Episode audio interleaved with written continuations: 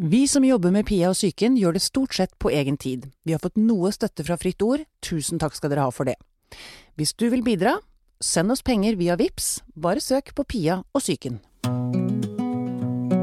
Alle har en syke, og jeg vil gjerne snakke om det.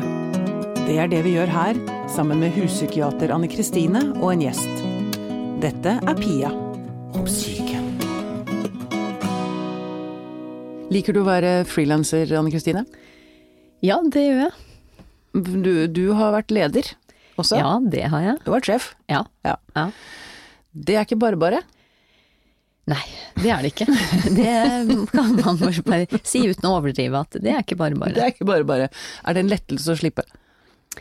Altså jeg må jo si at jeg, jeg liker det jo også. Jeg gjør det. Men, eh, men det å være frilanser eh, gjør jo at man har ikke så mye ansvar for andre mennesker. Nei, det er mer, jeg har mer enn nok med å ha ansvar for meg sjøl, jeg. Ja, ikke sant? Fryktelig å ha ansvar for andre. Oh. Ja, det er meg, da. Um, gjesten vår i dag, uh, Per Henrik Stenstrøm, velkommen hit. Tusen takk for det. Du er av en venn av meg beskrevet som verdens beste sjef. Oi. det var ikke verst. Nei, det vil jeg si er ganske bra skussmål. Um, og så skjønner jeg at det kan være litt vanskelig å liksom ta til seg sånn uhemmet skryt. Men hvis du prøver å se deg litt sånn på avstand, hva tror du grunnen er til at uh, du blir beskrevet sånn? Eh, Og det er vanskelig å svare på det, selvfølgelig, men um, det handler vel litt om eh, det som eh, jeg, jeg tror det handler litt om at man er litt interessert i hvordan man virker på andre mennesker, eh, Ja. rett og slett. Eh, At man er litt opptatt av ja, at hvordan Som leder mener jeg du har et ansvar for det, eller definitivt et ansvar for det, hvordan du virker på andre folk, rett og slett. Ja. Og det er jo ikke alle som eh, er så opptatt av det, selvfølgelig, og tenker at eh, Men jeg, jeg, tror jeg, har vært, jeg tror jeg har blitt en god leder, eh, og så tror jeg ikke nødvendigvis jeg var det i begynnelsen. Jeg starta jo som speiderpatruljeleder og tenkte jo Da var du ikke så god, tror du? ja, kanskje jeg var god da, men så skjedde det kanskje et eller annet i, i 20-30-åra hvor man kanskje ikke var så god. I hvert fall når jeg ser sånn tilbake på det. Um, så det handler jo, og dessverre så tror jeg det kommer litt med modenhet. uh, selv om det selvfølgelig finnes mange flinke unge ledere, jeg sier ikke det. Men jeg tenker at det kommer litt med modenhet, og at du ser litt annerledes på det, og at man uh, blir litt mer opptatt av å I hvert fall for meg så har det vært sånn at jeg har blitt litt mer opptatt av å lede, lede gjennom andre, som det jo heter, og som høres litt sånn klisjéaktig ut. Men det å fjerne seg litt fra den derre fagrollen som man ofte opplever at man har i en lederjobb, og at man tenker at den har jeg egentlig ikke lenger. Nå handler det om å lede disse menneskene. Eh, Og, og være opptatt av ledergjerningen, da, og utvikle lederskapet sitt. Ja. eh, Og ikke Og se det, det er rett og slett et eget fag. Det er kanskje Ja, det For Jeg tenker, jeg må bare si også at du jobbet jo Du har jobbet i media. Du har vært medieleder, blant annet P4. mm, Og sånn som i disse dager når vi ser nedbemanninger og Altså det er, det er ganske tøft å jobbe i media. Ja, Um, og det er kanskje en ekstra dimensjon av det, dette med å lede Ja, i litt, det er jo, i, i motgang så er det selvfølgelig tøft. Nå tror jeg nok eh, det er litt myteomspunnet dette med mediebransjen, men det er klart jeg har vært leder i nesten ja, i 20 år, og for mye vanskelige folk. Eh, komikere og artister og skuespillere og programledere og Ja, de journalister. er, og- du mener de er Altså, vanskelige? Ja, de, de er Det er ekstremt, store- egoer der, er det det? ekstremt eh, vanskelig, ja, krevende. Men, Ja. men jeg, tror det, jeg tror det er veldig Jeg tror ikke det er noe annerledes i det hele tatt om du er sjef for en, i en frisørsalong eller i, en- i en rørleggerbedrift eller hva det nå er for noe. Eller, eller eh, psykiatrisk Ja, et, et, institusjon? Mm, Ja da, å lede helsepersonell som er kompetansemedarbeidere, det kan jo også være krevende. Ja, Ja. definitivt. Så det er nok ganske gjengs. Ja. Ja. Men nå er du også kommet inn i vår fold, holdt jeg på å si, som frilanser. Ja, Nå har du slutta å være leder, annet Ja. enn for deg sjæl. Det, nettopp. Og det er, det er veldig gøy å heller kunne fortelle andre hvordan vi kan gjøre det. Så, så det er jo noe med det at man eh, Men jeg trives veldig godt med å være på egen hånd, ja. Ja, for nå holder du foredrag. Ja, jeg gjør det. Og, og er også rådgiver i forhold til eh, ledergrupper og, og ledere, og ser litt på hvordan, hva man kan gjøre med miljø og samhandling på arbeidsplasser. Da. Mm. Det er veldig spennende å få lov til å møte mange mennesker. Men jeg, eh, jeg savner jo det å være leder innimellom. Det å være en stor gjeng og være et stort team. Nå treffer jeg Ja. jo dem rundt omkring eh, andre steder, så, eh, så foreløpig så har det savnet ikke vært stort nok. Eh, Men det er gøy å kunne i hvert fall få en følelse av at man kan hjelpe andre også. Ja, ja, ja. Men du, du har blant annet, eller du snakker om primadonnaer i arbeidslivet. Og eh, når jeg hører ordet primadonna, så merker jeg at jeg blir litt sånn aggressiv. Ja. Det, mm, jeg, har ikke så, jeg har ikke så høy toleranse for sånne, altså. Men du mener at eh, de må få mer plass? Ja, jeg heier jo veldig på primadonnaen, da. Eh, og de som vi Hvis du skal definere primadonnaen, eh, så handler jo det om eh, de som eh, er veldig dedikerte og som er flinke. De har kanskje veldig mange sånne negative trekk som vi kan trekke opp og si at ja, de er liksom vanskelig å lede, og de er barnslige og selvopptatt og egosentriske og alt dette her. Men, men at de sånn i utgangspunktet så, må vi, så er vi vel enige om de fleste at de vi kjenner som vi opplever som primadonnaer, er gode. Eh, og er Ja, for det kjenner jeg til. Det er det som er en primadonna. En som er dedikert til faget sitt. Ja, for hvis ikke du er Hvis du er bare alt det negative, og ikke flink, da tenker jeg da er du drittsekk. Det er noe helt annet. Det, det handler ikke om eh, Det er et helt annet spor. Okay. Men det er klart, er du flink og kanskje vet det sjøl også, så er det noe som mange opplever som provoserende på en arbeidsplass. Ja. Eh, At de, de, er, de er krevende, de som sluntrer unna og som prioriterer feil og som ikke er vi opplever at gjør jobben sin. Men de som er flinke og som utfordrer oss, syns vi også er veldig krevende, da. Og det er jo selvfølgelig slitsomt å stå ved siden av en primadonna og kanskje ikke føle seg like flink. Ja, og det er klart disse folka som da sitter i et møterom, og vi er alle enige om at dette var kjempefin sending, Pia, og dette var bra, og så er man en gjeng, og så sitter det en borti hjørnet og sier at det her syns ikke jeg var noe bra, jeg. jeg synes, mm. Hvis dere har den holdningen til kvalitet, eller eh, så er ikke jeg med. Jeg syns dette var dårlig. Og det er primadonnaen som sier det. Ja, gjerne. De er jo ofte litt sure og misfornøyde, og opplever jo sjelden en, noe særlig store øyeblikkshendelser i arbeidslivet sitt. Det er sjelden de, at den der lykken inntreffer. eh, Ja, de kjenner ikke lykke over egen innsats heller. jo da, men det er så sjelden. Eh, og eh, en dansk forsker da, som heter Helle Hein, som jeg låner et arketypeverktøy av, som har skrevet en bok om primadonna-ledelse, har jo starta jo der hvor Altså i helsevesenet, rett og slett. Og, og disse legene, ikke sant, som har et kall. Og mange yrkesgrupper som man nok kan tenke har et kall. Og om du er lærer, så har du det selvfølgelig, og, og om du er sykepleier og Men eh, helt andre steder også. Jeg tror mange Jeg møtte en gjeng elektrikere her som sa at ja, nettopp, bestefar var elektriker, faren min var elektriker, jeg er elektriker, og sønnen min skal bli elektriker. Ja, det er et kall. Det er Vår familie vil ta vare på denne tradisjonen. Så jeg tror det, det kall, eh, kallsbegrepet, som er litt sånn gammeldags og flott, tenker jeg da, kjenner mange seg igjen i. Ja, jeg ble det jeg ble fordi jeg hadde lyst til det da jeg gikk på barneskolen eller ungdomsskolen eller videregående. Eh, og så, det er klart, da betyr jobben mye for deg. Da er du verdistyrt, og du er rett og slett opptatt selvfølgelig av å, hvis du skal si, jobbe for den i den høyere saks tjeneste, eller hvis du skal være så pompøse, da. Men da, da betyr jobb mye.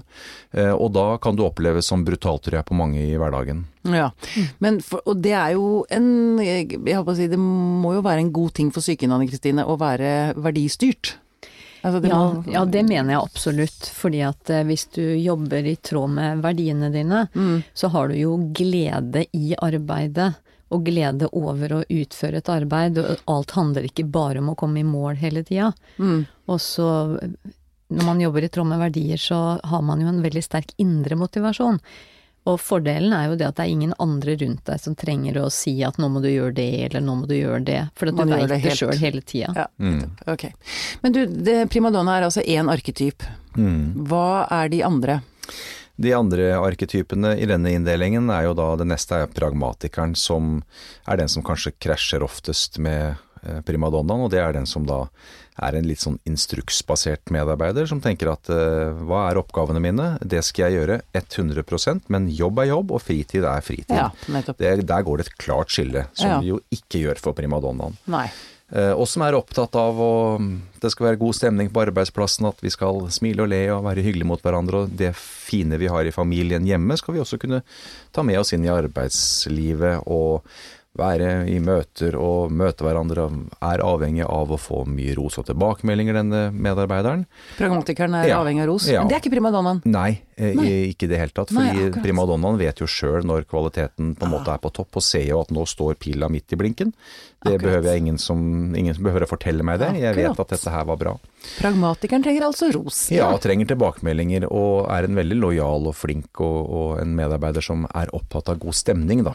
Ja. Som er litt sånn ja, når hadde du ditt arbeidsmessige kick sist? Så ja, så er ikke det eh, Skjønner ikke helt det spørsmålet, sånn fordi det faglige er ikke det som står i eh, fremst i panna på denne, og er opptatt av å steke vafler på fredagen og ha vinlotteri og arrangere ting, og at det skal være julebord og sommerfest og Nettopp. tar vare på Men er jo en som da går fem over fire, og kommer ikke fem på åtte, og gjør ikke nødvendigvis noe ekstra i forhold til å yte, eller være opptatt av å utvikle kanskje servicen på tjenesten man, eller produktet man selger i virksomheten, eller hva det nå er for noe. Nettopp. Status quo er helt fint. Ja, og, og det skal være hyggelig. Og herre, vi, vi trenger jo dem også. Ja, hadde ja, ja, du hatt bare primadonnaer der, eller hadde vært, eh, eh, Så hadde det nok ikke vært så hyggelig. Eh, så vi trenger jo i aller Pragmatisk. høyeste grad, og ikke minst da en som gjør, følger lojalt det som skal gjøres. Eh, Primadonnaen er jo ikke der, fyller jo ikke ut reiseregninger og gjør kjedelige ting. er jo autonom og vil jo selvfølgelig prioritere på egen hånd. Ja. Ok. Og, og vanskelig å lede. Og så vil du ha Flere? ja da, og det er jo da en prestasjonstripper inni denne modellen her, som både er en ekstrovert prestasjonstripper og en introvert prestasjonstripper. Men den- Prestasjonstripper. Ja, og som er opptatt på en måte av prestasjon. Den ekstroverte er jo da typisk den herre skrytepaven som vi kjenner igjen, som trenger bekreftelse hele tida. Ros, men som er en helt fantastisk medarbeider, så lenge han vet at nå er det en konkurranse. Den kan jeg vinne, jeg kan få oppmerksomhet, nå får de andre se hvor flink jeg er.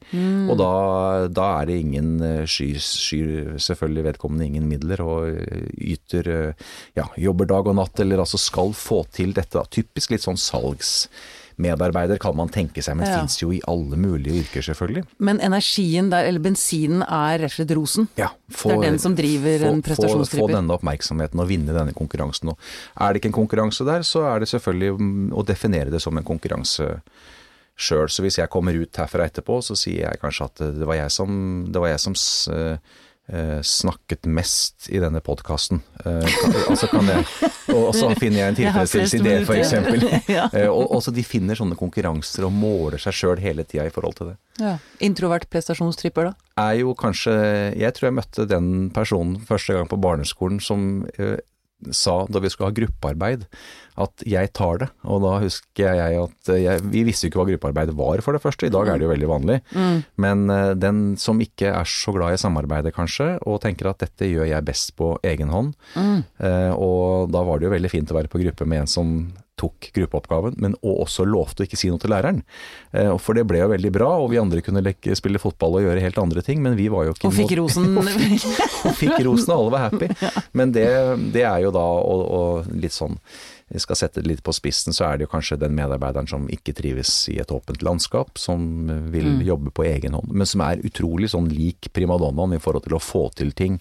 Ja, og verdistyrt, høres det ut som. Ja da, Mm. og, og er også Google, som jeg har vært og holdt foredrag for, både i, i Norge og Sverige, er jo veldig opptatt av denne medarbeideren og mener at her ligger da liksom framtidas utvikler som Ja, lever og ånder for, For- mm. jobben, jobber eh, og er drevet av en sånn indre motivasjon, trenger lite sånn stimuli, eh, og er opptatt av å knekke nøttene på egen hånd, rett og slett. Um, Så det er jo kanskje den medarbeideren man sitter og er litt bekymra for og lurer på hvorfor jobber hun alltid alene, og hvorfor Ja. vi må jo hjelpe til, og vi må få henne med i fellesskap, og vi må få henne med på disse Men hun er ikke interessert, egentlig? Nei, jeg er jo ikke det. Vil jo holde på, Ja. på, på egen hånd, og hvis du hører noen snakke om landskap, så um, truer de jo nesten med å si opp jobben, ikke sant, for det er jo helt utenkelig. Men vi vil jo gjerne at folk skal være litt som oss sjøl, og tenker at men det er jo så gøy å være ekstrovert, det er jo så gøy å sitte i landskap. Nei, det er ikke alle som syns det. det La de være i fred. ikke sant. Ok, er det flere arketyper? Den siste er jo da eh, rett og slett eh, marke, eller stedet du ikke vil være, men mange dessverre befinner seg, og det er jo lønnsmottakeren. Og det er den som da betrakter arbeidet som straff, rett Mm. og slett. Mm. Og er jo ikke en sånn det er jo ikke en sånn naturarketype. Du er jo ikke født inn uten motivasjon for jobb, men du havner Nei, kanskje der. sånn. Eh, og er den der på jobben ja, som prater om hvor håpløst alt er, og hvor håpløs sjefen er, og kollegene og arbeidsoppgaven og stedet og alt, og er den derre som tapper oss veldig for krefter og drar alle ned, selvfølgelig, og lyser jo ikke opp rommet når de kommer, men når de forlater tvert imot. Ja, Mm. Og er den derre mot, motarbeideren som rett og slett eh, eh, kanskje har blitt sånn og, og, over tid, eh, ikke fått lov til å være den egentlig kanskje man har lyst til å være på jobb, og Mm. kanskje blitt satt til oppgaver. Det er jo ikke bare sånn at eh, folk er jo ikke født sure, jeg vet ikke. Nei, jeg vil ikke si at folk er født sure, men eh, de arketypene Det kunne jo vært veldig interessant en gang også å snakke litt om altså likheter med de personlighetstypene som vi tenker oss at eh, eksisterer, og personlighetstrekk. Mm. Fordi at eh, det er jo ikke sant, hvis du Det er jo sånn fem personlighetstrekk man snakker om, og det du sier om lønnsmottakeren, da kanskje er man liksom Man er skeptisk, man har ikke en spesielt vennlig innstilling til omgivelsene. Altså det er litt sånn sånne, sånne trekk. Mm. Og personlighetstrekk er man jo som født Så delvis født med. Men så skjer det jo ting underveis, og, og det er klart hvis man mistrives og har mye dårlige opplevelser, så vil det jo være sånn at de personlighetstrekkene kanskje blir sterkere og sterkere etter hvert, da, Mm, mm. istedenfor for andre. Men du, eh, Per Henrik, er det sånn, eller jeg kan spørre dere begge i og for seg, er det sånn at man liksom Selvfølgelig, når du sitter og forteller om disse arketypene, så sitter jeg og lurer på hm, hvor hører jeg hjemme hen egentlig, tro? Er det sånn at man kan skli litt inn og ut, altså at man ikke er nødvendigvis tydelig bare primadonna, eller bare prestasjonstripperen? Ja, jeg tror eh, de fleste plasserer, eh, og når jeg er ute på arbeidsplasser, så sitter jo folk litt sånn og starter og tenker at nå dette, dette gjelder jo ikke, nå må dere andre følge med liksom, for dette gjelder jo dere. Eh, Det, det er ikke jeg som er vanskelig, så det er utgangspunktet. Men, og det er lett å plassere andre, og det er ikke nødvendigvis så lett å plassere seg sjøl, selv om noen selvfølgelig finner og jeg, det jeg, jeg syns eh, For meg har den modellen, det ramla ned liksom en sånn virkelig mynten på plass eh, da jeg hørte om denne for første gang i forhold til å sortere litt sånn dyrehagen jeg jobba i da. eh, Hvis man opplever at man er på en dyre, i en dyrehage, og det gjør man jo innimellom, på alle arbeidsplasser tror jeg, så får du sortert de litt for din egen del. Men så er det litt morsomt å snakke om det på en jobb også, fordi man kan ha et verktøy eller noe å snakke om. Og så kan man si at Pia, jeg opplever at du er veldig sånn. Eh, Kanskje du er en primadonna. Jeg opplever deg som, som sinna noen ganger, og aggressiv, og det har kanskje du overhodet aldri falt deg inn at du kan virke sånn. Virke sånn, for det kan være meg. engasjement. For, da, For meg så kan det oppleves som- ikke sant? som Mm. Ja, men jeg er jo bare engasjert. Nei, Jeg er jo ikke sinna. Eh, Så det viktigste er jo å kunne prate om det, og at det løser opp et eller annet. Og det finnes mange sånne inndelinger som, som er bra. eh, Og jeg tror det viktigste er å, å ha noe som er litt sånn ufarlig, og Mm. kunne snakke om og si at Anne Kristine, jeg tenker jo at du trenger veldig mye ros og tilbakemelding eh, og skryt. Jeg opplevde det rett og slett som litt sånn kvalmende. Jeg skjønner ikke, jeg har, ja, jeg har ikke det behovet. Eh, Men jeg skjønner at du har det behovet, og jeg skal faktisk tenke på det og bli litt flinkere til å gi deg de tilbakemeldingene. Så jeg tenker at det der samspillet der er jo viktig, ikke så veldig Uh, hvor du er, men hva du bruker den innsikten til, da. Men det, det, det krever jo at menneskene i den samtalen er vilje til å ta imot det som måtte komme, og det tenker jeg det er ganske krevende. Det er veldig krevende, og det som er viktig hvis, hvis eh, disse modellene skal være til nytte, så er det at du kan jo ikke komme og så, også tre definisjoner ned over hodet på folk. Så da må du komme, og så må, må man finne ut er dette et miljø hvor det er et ønske om endring, og hvor det er et ønske om å bli bedre kjent med både seg sjøl og hverandre. Og da blir det nyttig. Men å drive og peke på hverandre og si du er sånn, du er sånn, hvis ingen har bedt om det, det er ikke alltid Det er kanskje ut. Kanskje bedre å si, begynne å peke på seg selv. Ja. Jeg tror jeg er sånn, hva tenker du om Ja, det? Ikke sant. Ja da, og, det, og, og noen sånne undersøkelser gjør man jo, og rekrutterer og lederutviklere, og så gjør man en test, og så får man to bokstaver, og så sier den noe om hvordan du er. Og da tenker jeg, da er du inne på, eh, på noe som man kanskje ikke kjenner seg igjen i i det hele tatt. Det kan godt hende det stemmer, men ved hjelp av egeninnsikt og ved hjelp av andres innsikt. Og igjen, Google har jo en sånne legoklosser som de setter sammen ved hjelp av disse eh, logofargene sine. Som, eh, og I hver farge så ligger det da, sånn som blå, så ligger det analytisk, bare for å ta Ja, noe. Så kan ulike si at- ja. liksom. Og så har man en legokloss da med kanskje mye blått i, lite blått i, og at det, i hvert fall er med på å kunne gjøre det litt enklere på en arbeidsplass, og snakke litt om eh, hvordan, hvor forskjellige vi er, og at det kanskje da til syvende og sist eh, er nettopp styrken ved vår arbeidsplass, at vi er annerledes. Ja, for det er det. Å, gi hverandre rom til å være en annen person enn man er selv. Ja. Eh, Og se at det faktisk er Altså kan, det, som du sier, at det er viktig å ha en pragmatiker på jobben, og det er viktig å ha en primadonna. Mm. Og det er viktig, altså. Men er, vil dere si at arbeidsplasser at det er forholdsvis jevnt fordelt? Er det sånn at man liksom er flinke til å tenke at Altså én ting er liksom faglig kompetanse, men mennesketyper, er, er næringslivet bevisst på det? Eller ikke næringslivet bare, men alle institusjoner, liksom? Jeg vet ikke, Annike Sine, men det er klart at de hvis man, Det sies jo Mange ledere liker jo å si at man ansetter folk som er flinkere enn seg og er annerledes, men jeg eh, tror ikke det er så lett. Nei, nei, Eh, nei. og jeg merker jo det på når man får inn sommervikarer f.eks., eller praksisstudenter rundt omkring i virksomheter, så er man jo veldig fort bestemt på hvordan denne personen er, og om vedkommende passer inn i virksomheten, skal få en fast jobb eller ikke. Eh, vi er ikke så glad i folk. De ulikhetene, eller de brysomme forskjellene, de står jo litt i veien for oss, føler jeg ofte, da. Ja, og så tror jeg i tillegg så, så har vi et ganske strengt regulert eh, arbeidsmarked og ansettelsesprosesser i Norge. Sånn at selv om det ofte står sånn personlig egnethet vektlegges, så skal det veldig mye til at du går forbi noen som har en formell kompetanse og ansetter noen som Har en personlighet som ja, eller, ja, som passer bedre. Altså å si det at nei, vi forbigikk eh, nummer én og nummer to og nummer tre fordi at den fjerde hadde den riktige personligheten. Jeg tror jeg har til gode å se det gjennomført og begrunna eh, i arbeidslivet. Det hadde vært gøy å sett en stillingsannonse hvor det sto 'Vi søker en innadvendt, vanskelig, krevende eh, kollega som kan passe inn hos oss'. Eh, for det har vi ikke. Som kan sitte i et hjørne for seg selv Ja, og ja. jobbe intenst. Ja, og være Men jeg hørte brannsjefen i Oslo her, og det som bare på radioen fikk da spørsmålet 'Hva ser du etter?' Eh, De skulle ansette 20 nye brannmenn i Oslo.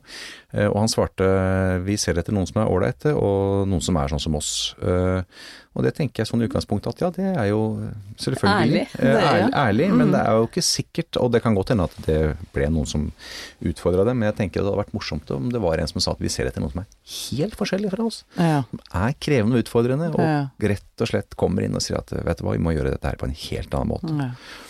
Og det er jo ikke så mm, eh, lett kanskje, men de arbeidsplassene som har mye annerledeshet i seg, som har et konfliktnivå, som håndterer det, og som på en måte Det skal jo gjøres et stykke jobb også, det skal ikke bare være en koseklubb og et hyggelig sted å være. Det skal, det, eh, og den balansegangen der er jo en leders oppgave å finne, men også, tenker jeg, et medarbeideransvar. Å bidra til det, og ikke bare tenke at det er, det er sjefens jobb Ja. å få dette her til å fikse, til å virke. Ja, men det tenker jeg sånn Hvis vi ser på Norge som en bedrift, så er det litt samme, samme deg. Det er ikke statens oppgave å løse alt. Nei. Det, er- ikke sant? Vi, må bidra Ja. på Og en undersøkelse da som eh, Dagsnytt presenterte her for en tid tilbake, men altså to av fem misliker kollegene sine. Ja. Og da, da tenker jeg, og det er jo spennende å høre om Anne Kristine syns at det er eh, urovekkende, eller, eller er det egentlig naturlig og, og bra? Eh, eller har folk eh, vært uærlige, og kanskje det er tre av fem eller fire av fem som misliker kollegene sine? Det spørs, det spørs jo hva den Altså hva det ligger i det. Fordi at hvis du er på en arbeidsplass og aktivt sitter og misliker en kollega til den grad at du prøver å gjøre livet surt for vedkommende, eller aktivt unngår, så vil jeg jo si at det er litt urovekkende.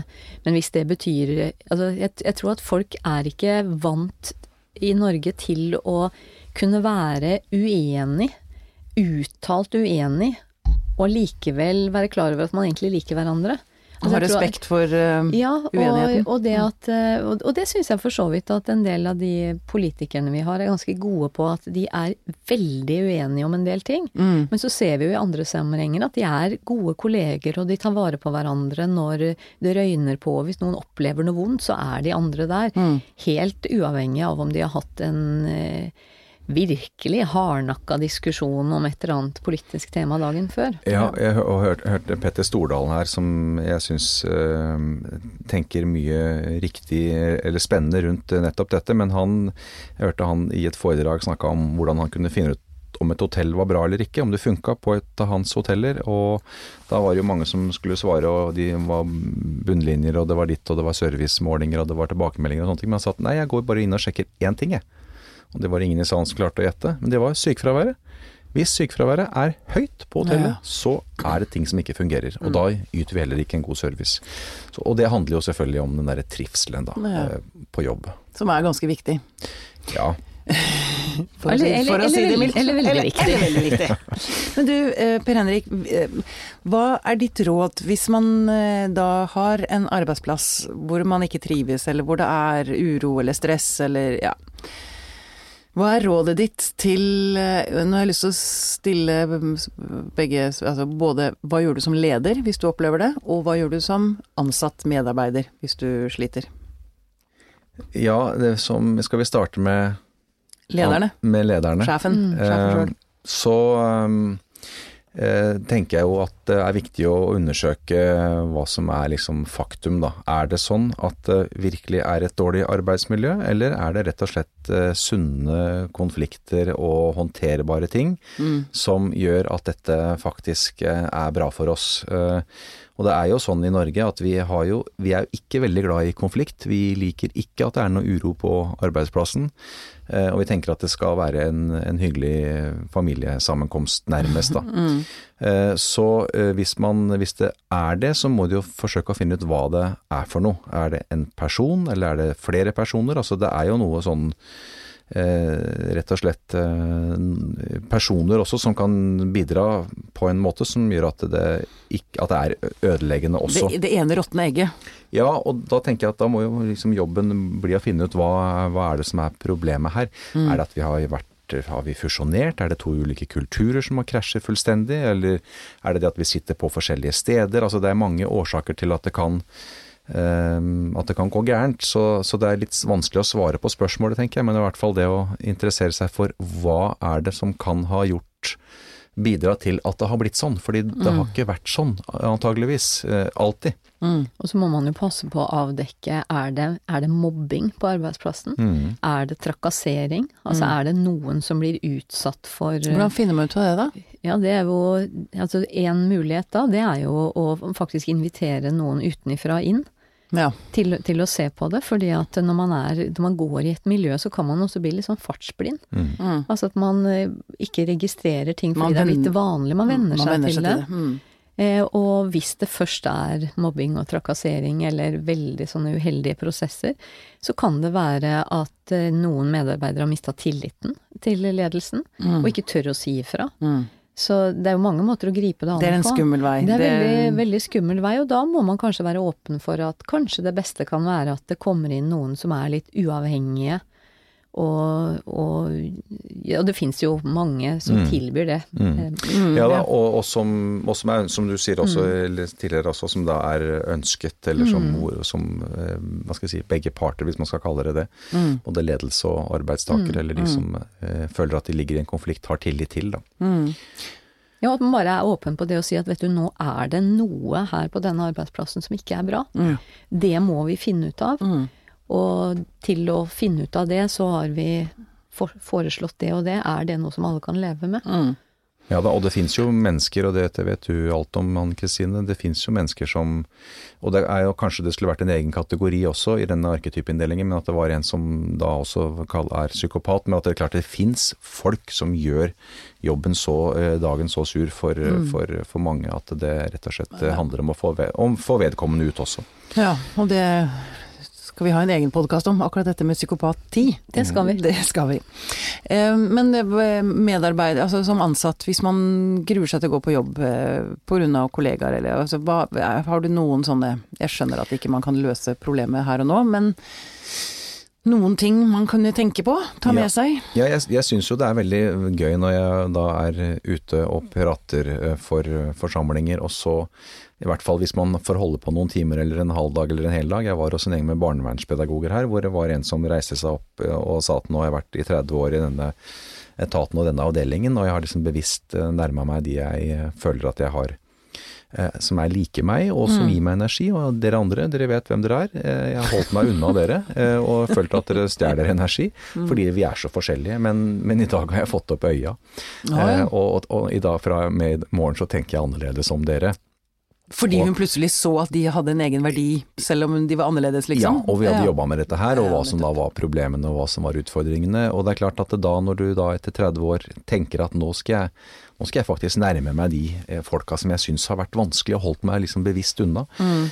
så er det litt sånne magiske eh, øyeblikk. Ja. Eh, og, og det jeg tenker at det, det å Altså, du får ikke forandra noe på andre mennesker. Eh, Det er synd. Eh, Det skulle vært gjort noe med det. Hvem hadde vunnet da, egentlig? Men men i, i påvente av den løsningen, så må vi jo bare forsøke å, å finne ut hva vi kan gjøre med, med vår egen holdning til de som vi opplever som mest krevende. Og forsøke å nærme oss dem, og, og, og, og ha litt sånn perspektivbevegelighet som er et fint ord, men det å interessere seg eh, og tenke hvordan kan det hvordan er det mulig at Anne Kristine ser så annerledes på nettopp disse Dette, oppgavene, eller dette, eh, og, og hva er det egentlig dette bunner i den der konflikten eh, vi har, eller som kanskje ikke hun opplever at vi har, men som jeg opplever at vi har. Mm. og, det å, og det er jo gjerne sånn at man begynner å prate om ting, så er det kanskje ikke alltid sånn som man tror. Eh, og ja, ja, men jeg føler meg ikke sett, jeg føler meg ikke verdsatt av henne. Jeg, Hun ser tvers igjennom meg. Hun, altså, men når man undersøker det, så er det jo kanskje ikke sånn i det hele tatt. Nei. Så kanskje et, et råd kan være å ikke være så sementert i sine oppfatninger, eller i hvert fall Eller kanskje legge opp til å vise litt svakhet. Eller også dette å si hvis man altså, Jeg tenker at det er, kre, jo, men det er krevende Det hadde vært veldig krevende for meg å si til en eventuell sjef at vet du hva, jeg føler at jeg ikke får nok ros. Altså det er jo, Da Ja viser da. jeg jo et svakhetstegn. Men Ja. det kan kanskje være en god ting. Ja, og så tenker jeg ja da, definitivt, men også det å tørre til og med å nærme seg en kollega som man syns er vanskelig, og kanskje tenke at i dag skal jeg faktisk uh, gjøre noe nytt. Jeg skal Ja. smile til henne, eller jeg skal uh, gripe henne i å gjøre et eller annet som jeg liker. Uh, Ja. Å, ja, eller jeg skal berømme henne for et bidrag i et møte, eller teste ut et eller annet, og så se skjer det noe, Se om det kanskje eller skjer det ingenting. posisjonen lite grann, ja. Mm. Prøve noe nytt. prøve noe nytt, eh, og det kan jo Plutselig så kan det hende at du får, en, får noe oppmerksomhet tilbake eh, som du ikke er forberedt på. Da skjer det plutselig et eller annet. Plutselig skjer det noe kjempegøy. Anne Kristine er kjempeålreit, det sier jeg til Pia da. Så sier, og så sier Hva er det som har skjedd nå? Anne Kristine skryter av deg nå? Ja, nei, jo hun har det. Ja. Det skjer noe i kroppen vår da. Ja, det. Så det får man jo prøve å kanskje prøve noe nytt, ja. Det tenker Ja. jeg i hvert fall eh, sjelden kan skade. Hente opp litt mot, og prøve å gå imot sine egne inngrodde mønstre. Ja, og, og også kunne si fra. Eh, og rett og slett vise at man eh, setter en grense for eh, noe man opplever som trakasserende, eller som man opplever som slitsomt, eller om det er klaging eller sutring, eller om det er på en måte noe grensesetting som inn, innimellom kan være sånn klargjørende i en arbeidshverdag. Det er jo noe med det å prate om de små og nære ting. Det er noe med det. Som vi bare slutter er med det vi alltid snakker om, Anne Kristine. Snakk om det. Ja, snakk om Det det. er i grunnen det er rådet vi havner på igjen og igjen. Mm, det er rart med det. Det er rart med det. Ok, Per Henrik Stenstrøm, tusen takk for at du kom og delte av din eh, ledelsesvisdom. Ja, det var veldig hyggelig å få lov til å være her. Bra. Og dele og prate med dere òg. Ja, kult. Da skrøt vi av hverandre. Det var fint. Det var veldig bra.